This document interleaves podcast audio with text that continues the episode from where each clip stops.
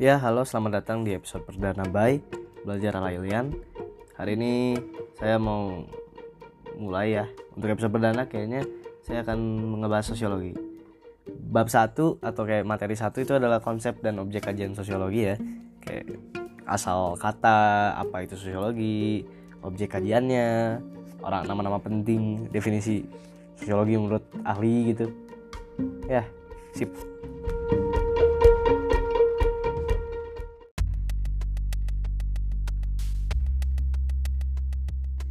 Ya kita mulai saja. Sosiologi. Sosiologi secara etimologis berasal dari kata socius yang berarti teman dan logos yang berarti kata. Socios logos Pembicaraan teman. Menurut Suryono Sukanto pakai ejaan lama jadi S O E R J jadi Soerjono Sukanto Suryono Sukanto mengemukakan bahwa sosiologi adalah ilmu yang memusatkan perhatian pada segi-segi kemasyarakatan yang bersifat umum dan berusaha untuk mendapatkan pola-pola umum kehidupan masyarakat. Dan dia juga beranggapan bahwa sosiologi termasuk dalam penelitian ilmiah. Jadi gimana ya? Penelitian ilmiah itu yang tujuannya itu kayak mempelajari satu atau kayak beberapa gejala gejala ya gejala sosial kan sosiologi terutama sosial lewat analisis pemeriksaan dalam. Terus kayak terhadap fakta masalah yang disoroti dan kemudian diusahakan pemecahannya. Ciri-ciri penelitian ilmiah itu banyak ya. Tapi yang paling pasti mah itu sistematis. Dan faktanya bakal diperoleh secara objektif. Karena ini kan karya ilmiah harus pasti objektif. Suatu penelitian tentu dapat disempurnakan atau dilanjutkan lagi oleh peneliti lain.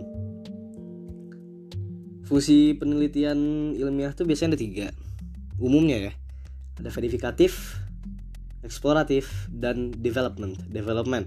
Verifikatif itu ya kayak verified gitu kan. Kalau di Twitter atau di IG suka ada yang kayak centang biru verified. Itu artinya kayak udah diuji bahwa ini tuh asli gitu. bahwa ini tuh valid. Jadi kayak apa ya, menguji kebenaran suatu pengetahuan gitu. Yang kedua adalah fungsi eksploratif. Fungsi eksploratif itu adalah mencari penelitian ilmiah maksudnya e, melakukan penelitian ilmiah untuk mencari ilmu yang masih kosong. Kosong dalam artian misalkan ada suatu ilmu nih masih ada kayak kekosongan ada gap gitu. Jadi dengan fungsi eksploratifnya kayak ngisi kekurangan ilmu itu. Kalau fungsi development ya sesuai kata develop ya development ada, adalah pengembangan gitu. Itu berarti kayak mengembangi pengetahuan yang sudah ada jadi kayak verifikatif itu nguji benar atau tidak atau kayak valid atau tidak kalau eksploratif nyari kalau development itu uh, memperbaiki bukan memperbaiki kayak merenovasi yang ada penelitian ilmiah juga bisa dikelompokkan keempat eh, adalah penelitian deskriptif penelitian eksploratif, penelitian prediksi, dan penelitian penelitian eksplorasi. Sama aja deskriptif itu kayak berupaya menyajikan suatu detail uh, rincian lebih lanjut dari informasi yang ada. Kayak biasanya dimulai sama pertanyaan bagaimana. Eksploratif itu berupaya mendapatkan informasi mendasar tentang permasalahan atau keadaan yang jarang atau belum pernah. Sama kayak yang tadi fungsi eksploratifnya kan. Jadi ini penelitian eksploratifnya. Biasanya pertanyaannya apa gitu kan. Kayak apa nih gitu kan. Terus penelitian prediksi ya memprediksi sih. Kayak menggambarkan yang akan terjadi di masa depan gitu. Lebih kayak memakai kapan tapi kapannya menuju ke depan. Terus penelitian terakhir itu adalah eksplanasi. Itu berupaya menganalisis hubungan antar variabel atau antar data yang emang diteliti. Penelitian eksplanasi memiliki hipotesis dan dirancang untuk menjelaskan mengapa suatu peristiwa terjadi. Biasanya pakai kata tanya mengapa. Oh by the way, ini gue inget-inget juga apa saya saya ingat tapi kayak kalau agak lupa kayak tadi kayak terbata-bata gitu berarti gue sampai baca itu agak lupa. Jadi gue ini ada tiga buku di depan gue biar nggak salah aja gitu untuk diri sendiri. Soalnya kayak kalau ke sekolah nanti dengerin gitu naik motor. Hmm. lanjut objek penelitian. Objek penelitian sosiologi itu adalah ya objek yang diteliti gitu kan. Hmm, hasil penelitian sosiologi Hasil penelitian sosiologi diperlukan menentukan hal-hal sebagai berikut. Kelompok sosial, lembaga sosial, pola interaksi, kebudayaan, mengidentifikasi kekuatan sosial yang ada, mengetahui perubahan sosial. Objek penelitian eh. Jadi ulang, maaf nggak jelasin juga tadi. Objek penelitian sosiologi adalah masyarakat dilihat dari sudut hubungan antar manusia dan proses yang timbul akibat hubungan manusia. Ini udah masuk sosiologi banget nih timbal balik nih. Penelitian sosiologi dapat dilakukan dengan metode banyak sih metodenya. Kayak coba-coba. Yang saya ingat sih kayak historis, sosiometri, komparatif, studi kasus. Ya, eh, ya benar-benar. Terus ya. Nah, metode sosiometri digunakan untuk mengabarkan dan menganalisis hubungan antar manusia dalam masyarakat secara kuantitatif. Pada tahap perencanaan pembangunan, hasil penelitian sosiologi diperlukan. Ya tadi ya, pada tahap perencanaan pembangunan, hasil penelitian sosiologi diperlukan menentukan hal-hal sebagai berikut. Kelompok sosial, lembaga sosial, pola interaksi sosial, kebudayaan, eh, kekuatan sosial yang ada di masyarakat, dan perubahan sosial. Jenis-jenis penelitian ada banyak ya, tapi yang dibahas di sini cuma lima kayaknya. Kalau berdasarkan beda tujuannya ada basic research, research, riset dasar, riset dasar, penelitian dasar, dan penelitian terapan atau basic research, penelitian dasar atau applied research atau penelitian terapan. Penelitian dasar itu penelitian murni untuk mengembangkan dan memperdalam suatu ilmu pengetahuan. Kalau applied research atau penelitian terapan dilakukan untuk mengumpulkan informasi dan membantu memecahkan suatu persoalan dalam kehidupan sehari-hari dan diarahkan untuk penggunaan secara praktis dalam kehidupan mungkin ini masuk ke pragmatisme ya kalau yang applied jadi kayak ya yang memang bisa gitu bukan hanya sekedar teori kayak di lapangan bisa dilakuin. Gitu kan? Kalau misalnya selanjutnya ke, dibagi menjadi metode yang digunakan. Ada penelitian historis survei dan eksperimen. Historis itu yang berusaha mengkaji peristiwa yang telah terjadi di masa lalu. Ya history ya. Historis. History. Uh, masa lalu bahasa Inggris. Terus yang kedua penelitian survei, yaitu penelitian yang bertujuan untuk memperoleh informasi dari berbagai individu atau kelompok. Biasanya yang kayak gini tuh kalau nggak salah dengan cara angket, wawancara, kayak uh, poll gitu apa, poll teh petisi, nggak petisi sih, kayak poll aja poll kayak Google Form gitu atau segala macam lah. Ada penelitian eksperimen, itu adalah penelitian yang, ntar baca dulu ya memanipulasi. Penelitian eksperimen adalah penelitian yang memanipulasi situasi alamiah menjadi situasi buatan sesuai dengan tujuan penelitian gitu. Jadi emang sengaja kayak misalkan kalau ada dua kelompok nih dikasih makan sekian gitu apa yang terjadi meren ya mungkin ya nggak tahu. Kalau berdasarkan bidang ilmu banyak lah ya kayak penelitian bidang alam untuk kayak biologi ya sih ya untuk biologi emang kayak eksakta gitu. Terus penelitian bidang sosial dan humanoria kayak tentang pendidikan, sosbud, politik, ya gitulah. Terus kalau berdasarkan pendekatan ya sama sih kayak geografi juga kan mirip longitudinal, pendekatan bujur dan pendekatan silang cross section. Pendekatan bujur longitudinal itu pendekatan penelitiannya waktu membutuhkan waktu lama terhadap subjek yang sama.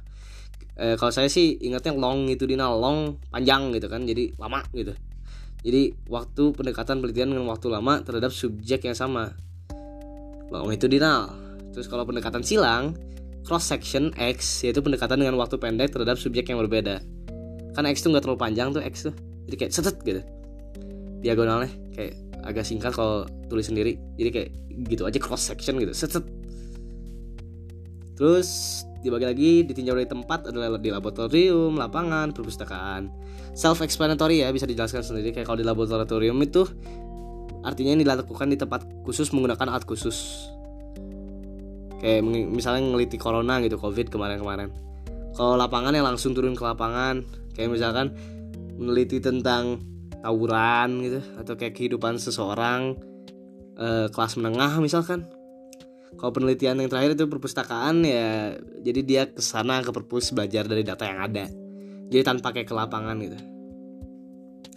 Nah ini yang penting nih berdasarkan cara perolehannya ini dibagi beberapa banyak ya nggak sih dua tapi kayak lanjutannya banyak jadi kayak coba kalau ulang berdasarkan cara perolehannya itu ada data primer data primer itu yang diperoleh langsung oleh peneliti di lapangan melalui responden dengan cara observasi, wawancara, penyebaran angket gitu. Jadi langsung gitu ya. Sasaran data pada data primer itu ditemukan langsung oleh peneliti di lapangan. Yang kedua adalah data sekunder. Sama, data sekunder itu tapi ini dari sumber kedua. Misalnya dari data sensus desa gitu atau monografi desa. Kalau berdasarkan sifatnya ada kuantitatif dan kualitatif. Data kuantitatif itu dapat dinyatakan dalam angka quantity, kuantitatif. Data kualitatif data yang dinyatakan dalam bentuk deskripsi. Jadi kayak lebih detailed description gitu. Kayak deskripsi ilmiah yang detail. Terus kalau dari berdasarkan sumber yang diperoleh ada data intern dikumpulkan oleh dan untuk keperluan sendiri. Jadi kita yang nyari dan untuk keperluan kita dan data extern, data dikumpulkan oleh orang lain. Kritik extern merupakan kegiatan untuk menguji autentisitas atau keaslian keaslian sumber. Kritik ekstern cenderung menguji keaslian sumber sejarah dari bentuk fisiknya. Jadi kritik ekstern juga bisa termasuk fungsi verifikatif sih kalau dipikir-pikir. Karena ya emang untuk menguji kan, menguji keaslian genuine atau autentisitas suatu benda gitu. Biasanya kan bentuk fisik. Dan kalau ditinjau dari cara pembahasannya ya penelitian deskriptif dan penelitian inferensial atau eksplanasi. Penelitian deskriptif melukiskan, memaparkan, menuliskan, dan melaporkan suatu objek atau peristiwa secara padanya tanpa tambahan apa pun. Kalau inferensial atau eksplanasi itu kayak melukiskan peristiwa tapi ada tarikan kesimpulannya gitu, yang umum dari masalah. Jadi kalau penelitian deskriptif itu apa adanya, penelitian eksplanasi ya di explain eksplanasi gitu. Terus ada eh, ini mah nggak usah sih rancangan penelitian mah. Kayak maksudnya rancangan penelitian tuh ini kayak struktur rumusan masalah kayak struktur skripsi gitu deh. Kayak jangan deh. Kita langsung aja cabut ke teknik pengambilan sampel ya. Kayaknya paling deket ini sih. Teknik pengambilan sampel itu dibagi empat. Ada simple random sampling, ada proportionate stratified random sampling, ada disproportionate stratified random sampling dan ada area sampling. Simple random sampling atau sampel acak itu ngambil sampelnya tuh gini kayak ngacak gitu tanpa ngeliatin tingkat. Iya jadi kayak tapi hah? tapi homogen iya tapi homogen. Jadi kayak jumlah siswa yang mendapatkan beasiswa di kota Sukabumi gitu kan. Simple random sampling ini bisa dilakukan melalui undian, tabel bilangan, atau acak sistemastis gitu. Jadi kayak mana ya? kayak ya acak aja sih. Maksudnya simple random sampling itu paling basic. Jadi sampel acak tapi dalam lingkungan yang homogen gitu. Kayak siswa rakyat gitu kan keundian gitu. Yang kedua ada proportionate stratified random sampling. Proportionate stratified random sampling itu adalah pengambilan sampel dari anggota populasi secara acak. Acaknya dari kata random ya samplingnya dari kata sample sampling dan berstrata proportionate stratified berstrata secara proporsional. Dilakukan sampling ini kalau populasinya heterogen. Cara ngelakuinnya kayak dibuat lapisan-lapisan gitu kayak strata-strata. Terus diambil sejumlah subjek secara acak gitu dari strata-strata yang sudah ditentukan. Gitu. Terus yang ketiga ada disproportionate stratified random sampling. Itu kebalikannya, nggak rada kebalikan sih. Jadi pengambilan sampel dari anggota populasi secara acak, berstrata tetap tapi sebagian ada yang kurang proporsional gitu kan. Jadi kayak sebagian doang. Dilakukan sampling ini kalau anggota polisinya tuh populasi populasinya tuh heterogen. Terus yang terakhir area sampling cluster sampling area sampling atau cluster sampling adalah teknik sampling yang dilakukan dengan cara mengambil wakil dari setiap wilayah geografis yang ada. Jadi kayak ini misalkan Jakarta ini misalkan Bogor nih misalkan Bekasi diambil tuh jadi kayak orang-orangnya. Itu kan wilayah gitu. Jadi kayak lebih ke sampel kelompok gitu bukan individu. Itu teknik pengambilan sampel secara sampel probabilitas. Sampel probabilitas ada empat yang tadi ya. Kita ulang lagi sampel acak proportionate stratified random sampling disproportionate stratified random sampling dan area sampling. Empat. Yang selanjutnya adalah sampel non probabilitas ini yang soalnya itu kan based on probability kan based apa basisnya itu acak. Kalau ini enggak Sampel non probabilitas itu bisa dibagi pertama sampling sistematis yaitu pengambilan sampel secara sistem sistematis kayak dikasih urutan gitu entah itu urutan nomor, urutan waktu, urutan ruang, pokoknya ada urutannya aja yang seragam. Yang kedua adalah sampling kuota. ialah teknik penentuan sampel dari populasi. Nah, populasi tersebut ya ya ya, ya sih populasi. Tapi populasi tersebut mempunyai ciri-ciri tertentu sampai jumlah yang dikendaki atau sampel yang didasarkan pada pertimbangan-pertimbangan tertentu dari peneliti tercapai gitu. Kayak misalkan gini-gini menurut ya kalau aku sih ngertinya kayak sampling kuota tuh ada jatah nih ya. Sampai jatahnya habis gitu. Si da, si datanya dipakai jadi kayak jatah data gitu. Nih, ya gitu sih. Jadi nanti kayak menetapkan jumlah gitu menetapkan jumlah besar sampel yang diperlukan ya kayak bulat gitu kemudian menetapkan jumlah yang diinginkan kayak jadi kayak motong pie gitu motong pizza terus habis itu ada sampling aksidental sampling aksidental tuh kayak tiba-tiba ketemu gitu kayak secara tidak sengaja accident gitu. Kayak weh kau mahasiswa? Kayak misalnya ketemu di cafe gitu. Langsung dijadiin data itu kayak accidental gitu. Kayak gak ada kenalan gak ada apa emang tiba-tiba jadi responden aja gitu. Terus habis itu ada purposive sampling atau sampling pertimbangan. Itu teknik sampling digunainnya tuh kalau peneliti mempunyai pertimbangan-pertimbangan tertentu di pengambilan sampelnya dan karena itu sampling ini cocok untuk studi kasus yang mana aspek dari kasus tunggal yang representatif diamati dan dianalisis. Jadi kayak purposive sampling itu kayak emang ada tujuannya gitu. Maksudnya gimana? Ya? kayak untuk suatu tujuan tapi ada hal-hal yang harus dipikirin dulu sama penelitinya gitu. Ya itu semuanya sih sebenarnya iya ya tatar. Lima itu di dalam pengambilan sampelnya Iya, iya, iya. Jadi kayak sebelum ambil sampel tuh ada pertimbangan-pertimbangan tertentu. Jadi pertama nggak acak. Kedua waktu secara waktu kayak kita udah tahu gitu kapan dan siapanya gitu jadi nggak kayak yang aksidental oh iya, iya, iya. terus habis itu sampling jenuh itu tuh yang kayak sensus gitu ya dilakukan kayak populasinya sekian gitu kayak kalau semua populasi digunakan sebagai sampel kayak data sensus satu kota gitu kan. Terus yang selanjutnya terakhir adalah snowball sampling. Snowball ya kayak coba bayangkan kayak, kayak bola salju gitu. Terus diputer. Ya lama kelamaan itu makin gede gitu.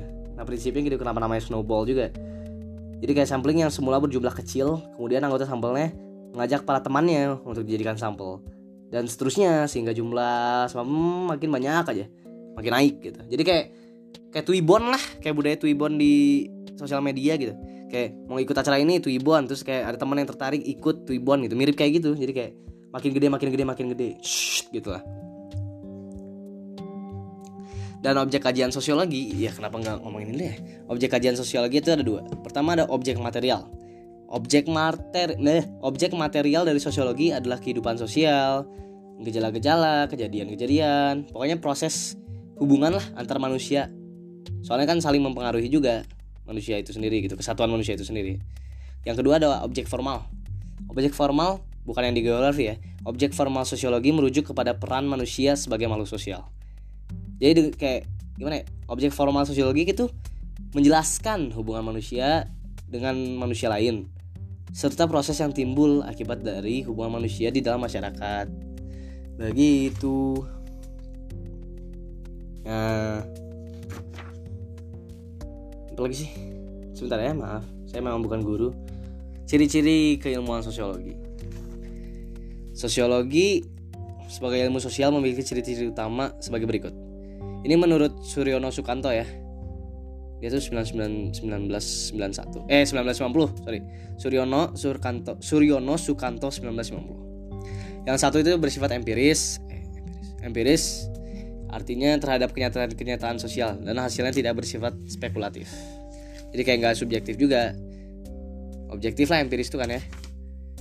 Apa, adanya terus teoritis ya teoritis itu kayak teori gitu kayak selalu berusaha untuk menyusun suatu kesimpulan dan hasil-hasilnya hasil-hasil observasi gitu kan jadi kayak harus ada kesimpulan dari hasil-hasil observasi kalau teoritis tuh terus kumulatif kumulatif accumulate mengumpulkan. Jadi kumulatif artinya teori-teori dalam ya sosiologi dibentuk dari teori-teori yang udah ada gitu. Jadi kayak ditumpuk gitu kan. Terus habis itu non etis justru lucu ya kayak kalau pertama kali dengan non etis kok nggak ethical gitu? Ya tapi bener karena sosiologi itu non etis jadi tidak mempersoalkan baik buruknya fakta. Karena yang lebih penting itu adalah menjelaskan fakta tersebut secara analitis gitu secara apa adanya. Jadi kayak mau misalkan ini penyimpangan sosial ada nih. Kayak kalau nggak diteliti ya gitu-gitu aja gitu. Jadi kalau misalkan di sosiologi meneliti itu dengan bias atau kayak etis ya itu pasti buruk kan. Tapi secara saintifik itu ada bias tersendiri subjektif dong.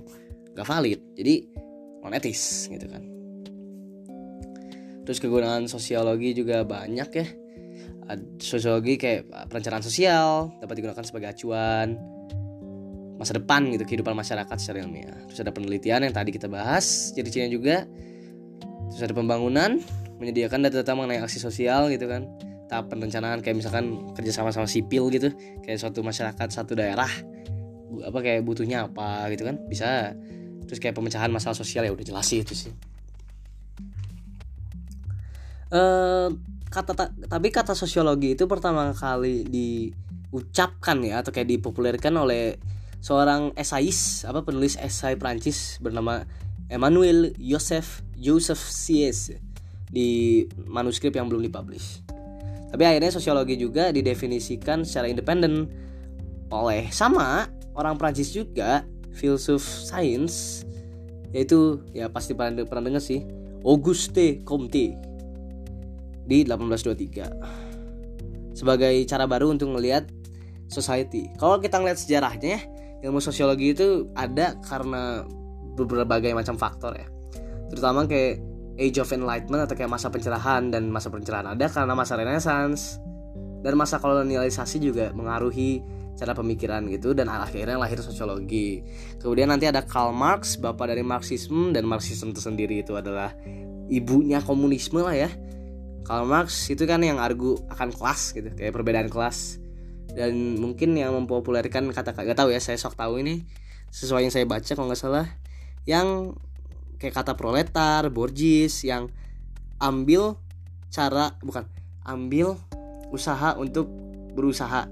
Kayak seize the means of production. Ambil usaha untuk produksi kalau saya apa? Ambil cara untuk produksi lah. Seize the means of production dari para borgis uh, definisi lagi ya. Soalnya sebenarnya itu aja sih. Yang paling penting kayak yang tadi yang area, probability sample. Terus yang kayak historis gitu. Apa? Metode-metodenya. Kayak yang historis komparatif, komparatif. Tapi itu belum dibahas Mateo jadi mari kita bahas itu dulu.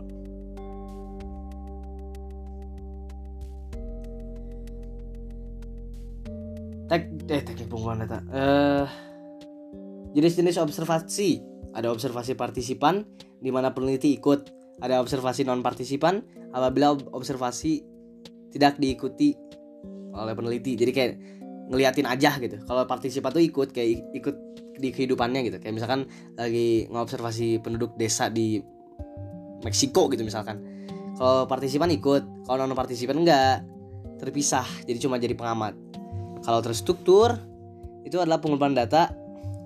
Jadi penelitiannya kayak ngambil banyak pisan data gitu. Kayak menghimpun jenis data penelitian tanpa keterlibatan langsung dengan partisipan. Jadi kalau yang tadi lewat library, lewat pustaka itu juga bisa observasi terstruktur karena gak langsung ketemu partisipannya. Ya terus yang terakhir observasi terbuka.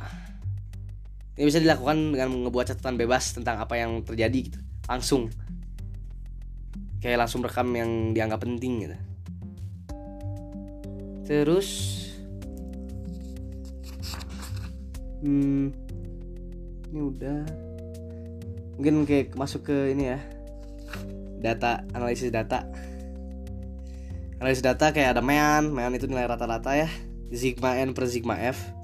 Gampang itu mah. Terus ada median nilai tengah. Yang membagi dua bagian sama besar nilai tengah kalau misalkan ganjil nilai tengah tersebut jadi mediannya. Terus modus itu yang paling sering muncul. Kalau data kualitatif itu data yang dikumpulkan dengan cara non statistik. Data yang terkumpulkan dirumuskan dalam catatan-catatan atau kayak bentuk kalimat lapangan yang disebut field note. Field lapangan note ya catatan gitu kan. Langkah-langkah yang harus diperhatikan itu kayak reduksi data yaitu mengubah rekaman yang ada ke dalam pola fokus kategori. Jadi kayak diubah gitu jadi kayak lebih simple. Terus penyajian data itu menampilkan data yang dimasukkan kayak dijadiin tabel gitu atau dijadiin grafik atau matriks terus yang terakhir ada generalisasi atau kesimpulan ya ya itulah kesimpulan. Hasil analisisnya disimpulkan gitu. Uh, terus kita ya telat sih tapi nggak apa-apa. Ini menurut para para ahli ya. Selain si Sukanto. Sorry. Menurut Emil Durkheim Emil Emil Emil Durkheim ya menurut Emil Durkheim sosiologi adalah ilmu yang mempelajari lembaga-lembaga dalam masyarakat dan proses sosial yang menyertainya menurut Pitirim A. Sodikin sosiologi adalah ilmu yang mempelajari hubungan dan pengaruh timbal balik antara berbagai macam gejala sosial. Menurut Joseph Rorschach dan Warren, Warren, Warren, Warren. Menurut Joseph Joseph Rorschach dan Warren, sosiologi adalah ilmu yang mempelajari hubungan antara manusia dalam kelompoknya. Menurut Suryono Sukanto, sosiologi adalah ilmu yang memusatkan perhatian pada segi kemasyarakatan. Dan menurut Selo Sumarjan dan Sulaiman Sumardi, sosiologi adalah ilmu yang mempelajari struktur, proses sosial, dan perubahan sosial. Kalau diringkas lagi ya kayak menurut Emil Durkheim itu yang ada kata lembaga-lembaga gitu kan. Menurut Pitirim itu timbal balik, pengaruh timbal balik antara berbagai macam gejala sosial. Ilmu yang mempelajari hubungan dan pengaruh timbal balik gitu. Jadi kayak Pitirim Asorokin itu timbal balik. Joseph Rorschach dan Warren itu hubungan antar manusia dalam kelompok dalam kelompok jadi manusia dalam kelompok terus Suryono Sukanto itu sosiologi adalah ilmu yang memusatkan perhatian pada segi kemasyarakatan ingatnya Suryono Sukanto orang Indonesia lebih masyarakat wi lebih masyarakat gitu lebih apa ya lebih kayak ya kemasyarakatan gitu. Terus kalau terakhir menurut Selo Sumarjan dan Sulaiman Sumardi sosiologi itu ilmu yang pelajari ya struktur proses sosial dan perubahan sosial. Itu yang koma-koma-koma gitu. Ulang Emil Durkheim lembaga Pitirim Pitirim Pitirim A itu timbal timbal balik. Yosef Rorschach adalah Yosef Rorschach dan Warren itu hubungan antara manusia dalam kelompoknya. Jadi manusia di dalam kelompok kayak e, ilmu dan yang mempelajari hubungan. gitu kalau Suryono Sukanto kemasyarakatan. Ilmu yang memusatkan perhatiannya kemasyarakatan. Kalau Sul Selosu Marian dan Sulaiman Sumardi itu struktur proses perubahan sosial. Ya begitu. Waduh udah 27 menit lagi. Wow. Yaudah kita ulang ya. Yang penting-pentingnya aja. Jadi Sosiologi berasal dari kata sosius dan logos Sosius berarti teman, kawan, masyarakat, sosius Dan logos berarti ilmu. Jadi ilmu yang mempelajari antar teman Ilmu yang mempelajari pertemanan atau perkawanan atau masyarakat Lebih cocok masyarakat. Eh, Tokoh-tokoh dalam bidang sosiologi ada banyak ya Nanti dipelajari semakin ke depan. Tapi yang penting nama-namanya ini Auguste Comte yang tadi yang mensebarluaskan nama sosiologi itu. Terus ada Karl Marx yang bapaknya komunisme lah Marxisme kayak yang uh, proletar Bourgeois itu Karl Marx. Terus Herbert Spencer dia ngebahas timbal balik norma dalam keluarga dan hubungan lembaga politik dan keagamaan juga. Emil Durkheim yang tadi kita bahas itu adalah Emil Durkheim. Teh aduh lupa Gusti. Emil Durkheim itu ya yeah, mempelajari lembaga-lembaga dalam masyarakat. Lembaga-lembaga aja. Max Weber Weber B2 ia menulis kemajuan Eropa. Karena paham Calvin oh iya ini si Max Weber yang Calvinis. Yang mengkaji teori tindakan sosial ya yeah. ya kalau menurut Emil Durkheim itu lembaga-lembaga pokoknya ingatnya itu aja sosiologi ilmu lembaga yang mempelajari lembaga dalam masyarakat dan proses menyertai itu. Pitirim mempelajari hubungan timbal balik dan pengaruh. Eh mempelajari hubungan dan pengaruh timbal balik antar berbagai macam gejala sosial menurut Joseph Rosek dan Warren sosiologi hubungan antar manusia dan kelompoknya manusia dan kelompoknya Menurut Suerno, Suryono Sukanto, sosiologi adalah ilmu yang memusatkan perhatian pada segi kemasyarakatan. Ingat kemasyarakatan Suryono Sukanto kemasyarakatan. Menurut Selo Sumarian dan Selo Sumardi, Sulaiman Sumardi, maaf. Sosiologi adalah ilmu yang mempelajari struktur, proses, dan perubahan sosial. Ciri-ciri sosiologi itu harus empiris artinya didasarkan pada observasi dan ada bukti dan berpedoman pada bukti nyata dan akal sehat atau common sense dan tidak bersifat spekulatif atau subjektif. Tapi subjektif juga bisa sih. Tapi yang paling pasti mah tidak bersifat spekulatif harus ada data. Terus habis itu teoritis artinya dibentuk atas pengamatan logis dan hubungan sebab akibat dari observasi dan pasti ada hasil kayak kesimpulan gitu.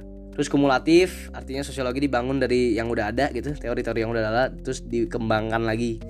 Terus non etis artinya sosiologi netral kayak Switzerland gitu, tidak melihat baik dan buruk. Kenapa kayak Switzerland? Tapi ya contohnya gitu kayak tidak melihat baik dan buruk.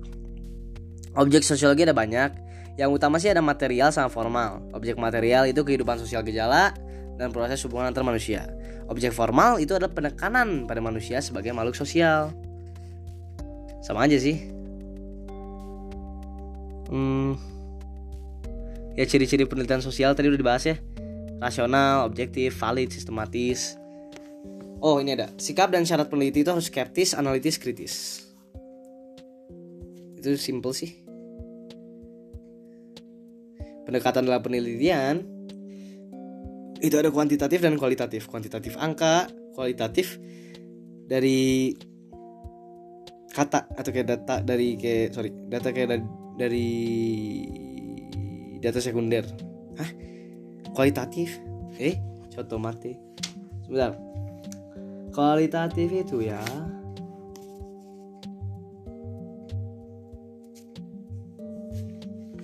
Loh, kok hilang catatanku?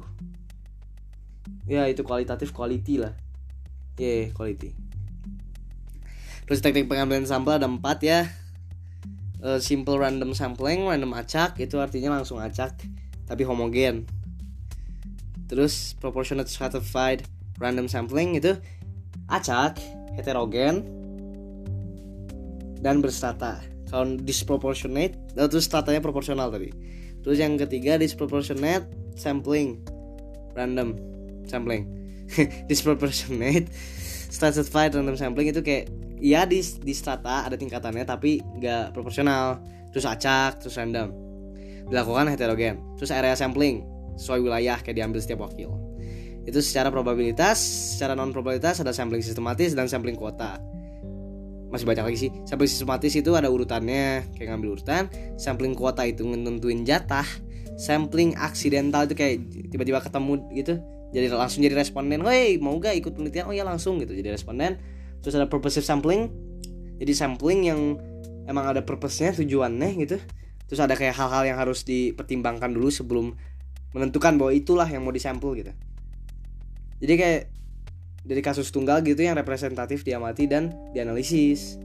Habis itu sampling jenuh atau kayak sensus ialah teknik pengambilan sampel apabila semua populasi digunakan sebagai sampel. Ini lebih ya populasinya kurang dari eh enggak nih ya begitulah. Habis itu terakhir snowball sampling yang tadi ya. Bola salju di roll jadi makin gede. Gitu deh. Kalau struktur karya ilmiah bisa sendiri sih. Dan saya sendiri juga sudah sempat bikin. Cara berpikir harus skeptis analisis kritis. Udah deh. Kayaknya segitu cukup. Emang iya. Observasi observasi juga partisipan non partisipan Eh, terbuka biasa terstruktur. Sorry sorry.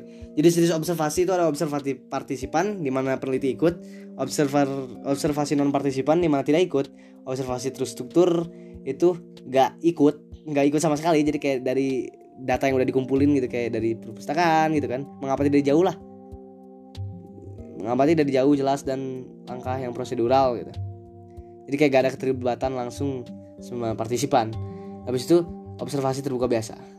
Itu kayak yang dilakukan membuat catatan bebas tentang segala aktivitas yang berkaitan langsung gitu. Kayak yang tiba-tiba kayak misalnya si melakukan ini gitu. Langsung dicatat. Catat catat gitu. Hmm I guess that's it sih. Analisis data sih. Analisis data kan mean median modus. Terus kayak itu untuk data kuantitatif. Kalau data kualitatif itu ada reduksi data penyajian data dan generasi generalisasi generalisasi generalization dan kesimpulan. Reduksi data mengubah rekaman menjadi pola fokus kategori penyajian data. Itu nge-display datanya jadi kayak grafik garis matriks dan lain-lain. Terus kayak dari apa generasi dan kesimpulan yang ngasih kesimpulan gitu ya. Uh, ya udah sekian pertemuan pertama kali ya. Cukup. Ya udah lumayan sih cukup. Oke. okay. Sampai jumpa di episode selanjutnya. Jorok banget anjir. Ya udah gitulah. Cheers